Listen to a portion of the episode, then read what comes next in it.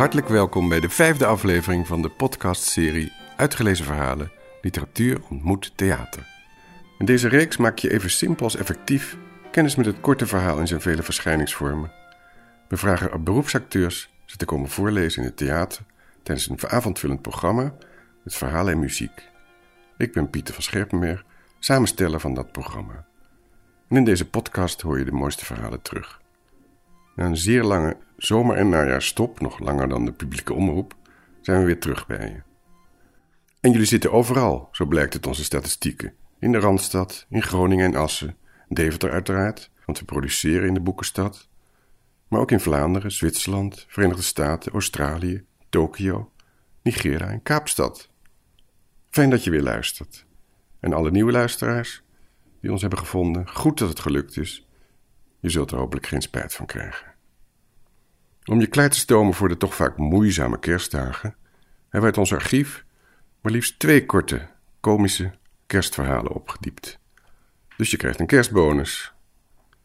Beide zijn opgenomen tijdens onze achtste editie in het theater, kort na kerst van 2015. Een gouden avond was dat. De andere verhalen van dat programma kun je nog als luisterboek op Storytel horen of via luisterrijk.nl downloaden.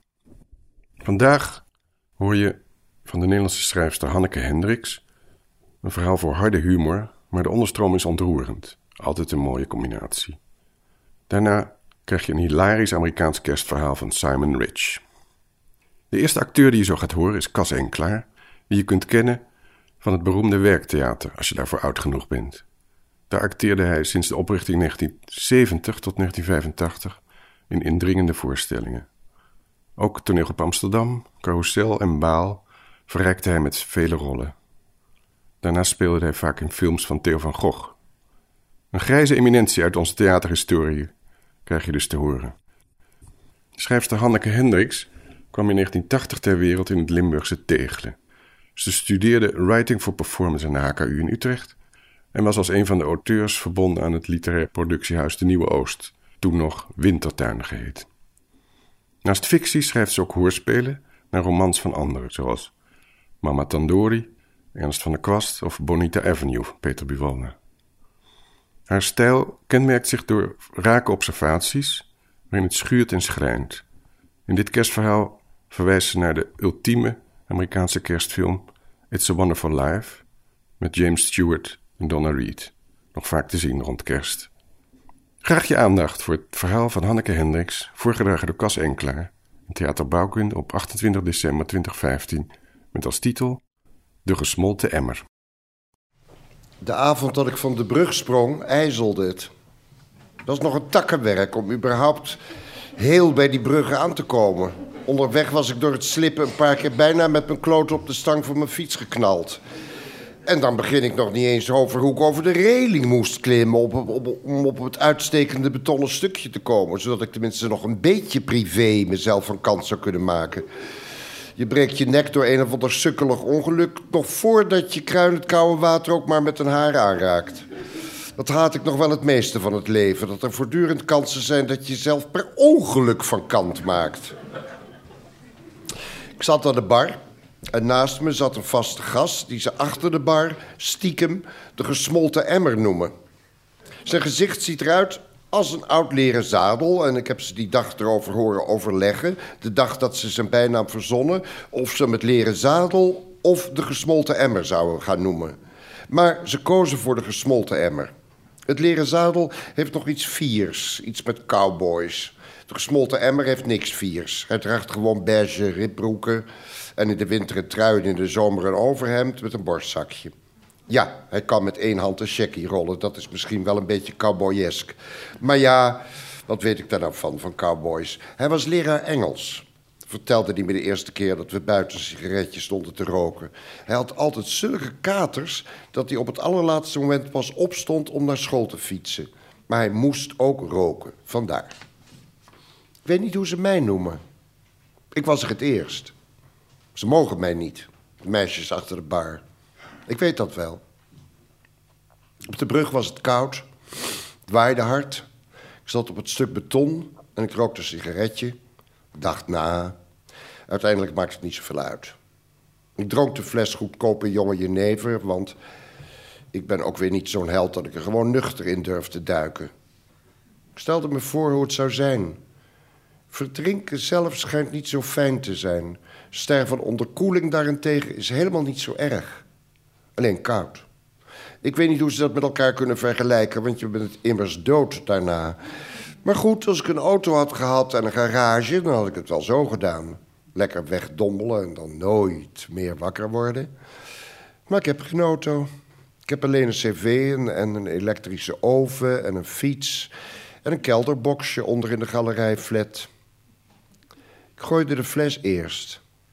duurde lang voordat ik een klein plonsje onder me zag. En toen hoorde ik de stem van de gesmolten emmer boven me. Wat ben je aan het doen? vroeg hij. Ik zag alleen zijn hoofd over de reling steken. Kerst, zei ik met dubbele tong. Ga je springen? vroeg de gesmolten emmer. Bemoei je er niet mee, zei ik. Is koud hoor, dat water. Wie denk je dat je voor je hebt, zei ik. Tante Fien? Ik zou het niet doen, zei de gesmolten emmer. Ik kan namelijk niet zwemmen. Nee, zei ik, dat zou ik toch maar niet doen als ik jou was. Kun jij zwemmen? vroeg hij. Ik kan heel goed zwemmen, zei ik. Dat is dan niet heel handig, zei hij. Nee, zei ik, dat is inderdaad niet erg handig. Ik miste mijn fles. Dan heb je tenminste nog iets om je aan vast te houden. Als een anker, als een boei. En ineens sprong hij. Zomaar. Als een oude jas flapperde die in zijn te grote kleren voorbij. Het water tegemoet. Hij riep niks. Geen help, geen niks. Toen ben ik er maar achterna gesprongen. Je kunt zo'n man toch ook niet laten verdrinken. Toen we eenmaal aan de kant zaten uit te puffen, klappertandend, sloeg hij me op mijn schouder. Ik wist wel dat je me zou redden, zei hij. Maar we weten allebei dat hij, hij degene was die die nacht iemand redde. Je zou denken dat het een engel was, zoals in de Amerikaanse kerstfilm. Maar het was de gesmolten emmer, maar... Het leven komt in duizend verschillende soorten liefde. Zoveel als er drankjes op de wereld bestaan. Zoveel dat mijn hart er bijna van ontploft. Zoveel dat ik vlinders in mijn buik krijg. Nog even en het is zomer. Dan kunnen we gewoon weer naar buiten, de gesmolten emmer en ik. Tevreden rookkringetjes draaien op het terras... met een drankje ingeschonken door dat kutpersoneel dat ons haat. Gewoon, zoals het hoort.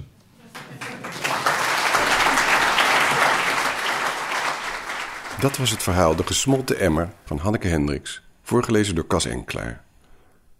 De voorlezer van het tweede verhaal in deze aflevering is de actrice Brit Lacher, die je kunt kennen uit de succesvolle theaterversie van Hendrik Groen, waarin ze een van de hoofdrollen spelen.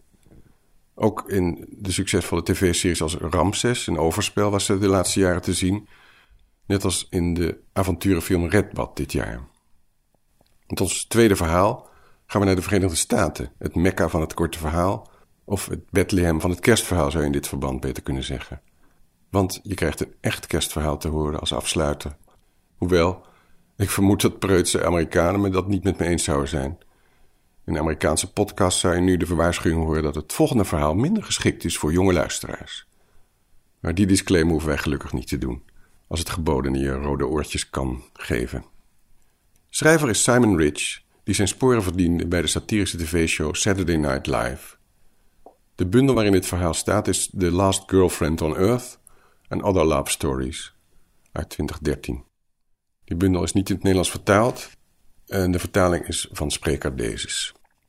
Ik las de figuur automatisch als man, maar toen ik Brit dit verhaal hoorde voorlezen bij de VPRO-opname, besefte ik dat de ik net zo goed een vrouw kan zijn. Luister of je dat met me eens bent en lach om de humor van Simon Rich in het verhaal Ik zag mama de kerstman kussen. Nooit vergeet ik de avond waarop ik mama de kerstman zag kussen. Ik was toen nog maar tien jaar, maar ik zie het nog voor me. Mijn moeder stond onder de mistletoe en de kerstman stond vlak naast haar met een grijns op zijn mollige roze gezicht. Zijn sneeuwwitte baard glanste sterk in het maanlicht en toen mijn moeder hem omhelsde, rinkelde zijn met belletjes behangen jas zacht. Toen ik mijn geheim er de volgende dag uitflapte, lachte mijn moeder en gaf me klopjes op mijn hoofd. Maar mijn vader bleef vreemd stil. Ik kon aan de wallen onder zijn ogen zien dat hij slecht geslapen had. Hij had ook zijn ontbijt niet aangeraakt en zijn kaak zat klem als een bankschroef. Een paar jaar later zag ik mijn moeder en de kerstman seks hebben. Mijn ouders waren toen al uit elkaar, maar het was toch een schok. Ik ging een glas water halen toen ik iets hoorde in de speelkamer. De deur stond half open en toen ik door de kier keek, kon ik ze op de bank zien liggen. De kerstman was naakt vanaf zijn middel naar beneden en pompte zijn lichaam tegen het hare. Ik vond het verschrikkelijk, maar kon niet ophouden te kijken. Het was gewoon te bizar. De kont van de kerstman was gigantisch, herinner ik me, maar vreemd genoeg wel gespierd. Zijn baard droop van het zweet en ik zag vlokken vocht in het rond vliegen. Toen hij klaar was, zakte hij bovenop haar in elkaar en slaakte een tevreden zucht. Oh, Nick, zei mijn moeder, terwijl haar vingertoppen over zijn grote bleke achterste streelden. Ze lagen een minuut stil en toen stond de kerstman abrupt op. Moet je al gaan? zei mijn moeder. Bang van wel, mompelde hij, terwijl hij zijn rode viltenbroek dichtgespte. Hij stond even bij de schouw met een gerimpeld gezicht rood van inspanning. Hij was duidelijk niet in vorm en nog niet op adem gekomen. Wanneer zie ik je weer? fluisterde mijn moeder hartverscheurend. Zelfde tijd, volgend jaar, erewoord. De kerstman vriemelde wat onhandig. Door het raam zag ik een paar elfen. Ze stonden op het gras in onze voortuin te roken en op hun horloges te kijken. Nou, zei hij ongemakkelijk. Vrolijk kerstfeest. Ik probeerde het incident te vergeten en dat lukte zo goed als. Maar een paar jaar later zag ik ze weer samen toen ik al studeerde en thuis was voor de kerst. Ze zaten tegenover elkaar aan tafel in de keuken elkaar aan te staren. Er stond een schaal koekjes tussen hen in, maar ik zag dat de kerstman die nog niet had aangeraakt. Ik vind het gewoon een beetje gek, zei mijn moeder. Ik bedoel, je geeft altijd cadeautjes. Dat is soort van jouw ding. Kerstman zat zijn slapen te masseren. Het spijt me dat ik ons jubileum vergeten ben, zei hij. Wat wil je dat ik er verder nog over zeg? In mijn moeders ogen welden de tranen. Tien jaar, zei ze. We doen dit al tien jaar. Ze begon te snikken. Wat ben ik voor jou? Caroline, ben ik je partner? Of ben ik gewoon een hoer? Caroline! Ze zeiden een tijdje niks. Het was zo stil dat ik het rendier zacht met zijn hoef op ons dak hoorde stampen. Uiteindelijk reikte mijn moeder over de tafel en pakte zijn hand vast. Ik zag dat ze hem iets wilde vragen, maar duurde even voordat ze de woorden eruit kreeg. Hou je nog steeds van haar? Nee, zei hij vastberaden. Met kerstvrouw heb ik een verstandshuwelijk, dat heb ik je aan het begin al gezegd. Ze kneep in zijn hand. Waarom kun je haar niet verlaten dan? Dat zou je niet begrijpen. Ze trok haar hand weg en deed haar armen over elkaar voor haar ochtendjas. Het gaat om je imago, wat? Het is niet mijn imago. Je bent bang de Coca-Cola-deal te verliezen. De ogen van de kerstman werden kleiner. Dat is een belediging, zei hij. Dat is een grote belediging. Wat is het dan? Het is alles bij elkaar, zei de kerstman. De elfen, het rendier. Een scheiding zou een levens verwoesten. Luister, Caroline. Je weet dat ik van je hou. En ik ga bij haar weg, dat zweer ik, maar het is niet het juiste moment. Mijn moeder nam een grote slok eierpunch. Ik kan niet geloven dat dit mijn leven is, zei ze. Je doet melodramatisch. Melodramatisch? Je deed zes maanden over het beantwoorden van mijn laatste brief. Ik krijg heel veel brieven. De neusvleugels van mijn moeder vlamden op van woede. Ze schonk nog een glas eierpunch in en sloeg het in één keer naar binnen. Ik weet niet waarom ik van je hou, prevelde ze. Het is een soort akelige vloek. Niemand verdient het zo behandeld te worden. Je hebt me een keer gekust toen ik eenzaam was. Nou en? Begrijp je wat ik allemaal kwijtgeraakt ben door jou? Je bent onredelijk. Mijn moeder beet op haar lip. Ik kon zien dat ze probeerde verdere tranen binnen te houden. Dit eindigt vandaag, zei ze zachtjes. Wat? Ik stap hier uit, zei ze, nu ik nog een greintje eigenwaarde over heb. De kerstman rolde met zijn ogen. Ho, ho, ho. ik maak geen grapje, snauwde mijn moeder. Je kunt me van je lijstje afstrepen zonder nog een keer te hoeven checken. Jezus, zei Kerstman. Hoe lang heb je die in je mouw gehad? Zo, de mieter op! Mijn huis uit, zei mijn moeder. Nu! De kerstman zuchtte. Kan ik nog naar de wc? Nee. De kerstman stond op. Hij leunde over de tafel en ik dacht even dat hij mijn moeder nog voor de laatste keer wilde kussen. Maar hij reikte naar een koekje. Hij nam de grootste en propte die in zijn mond, kruimels morsend over zijn baard. Vrolijke klote kerst, zei hij. Het is jaren later nu en ik heb zelf een mislukt huwelijk achter de rug. De kinderen zijn om de andere kerst bij mij en meestal neem ik ze mee naar mijn moeder. Iedereen voelt zich die dagen eenzaam, maar niet zo erg als zij. Ik probeer de kerstman niet te noemen, maar tijdens kerst kun je dat niet vermijden. Deze laatste keer kwam dat door mijn dochter. Ze is zes en weet niet meer zeker of de kerstman bestaat. Oma, vraagt ze terwijl we de cadeautjes uitpakken, geloof je in de kerstman? Mijn moeder keek mijn dochter recht in de ogen en zuchtte. Vroeger wel, zei ze, maar nu niet meer.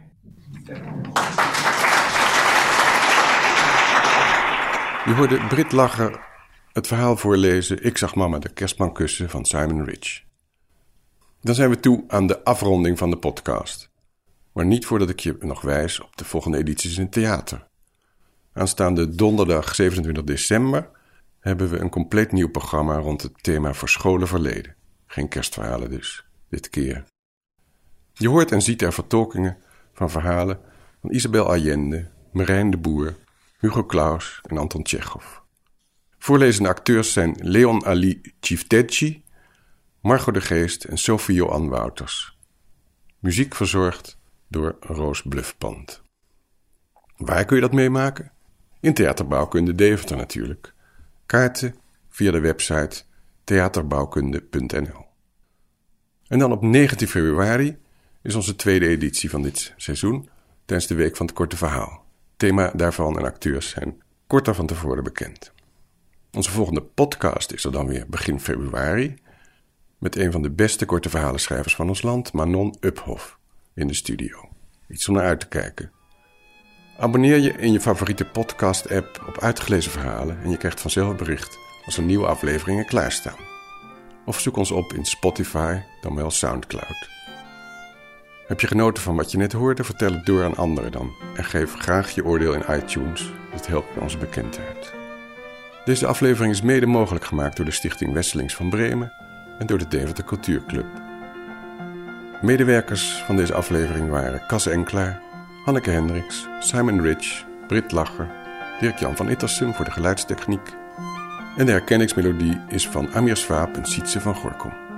Ik ben Pieter van Scherpenberg en gids je door deze vijfde aflevering. Tot de volgende keer graag.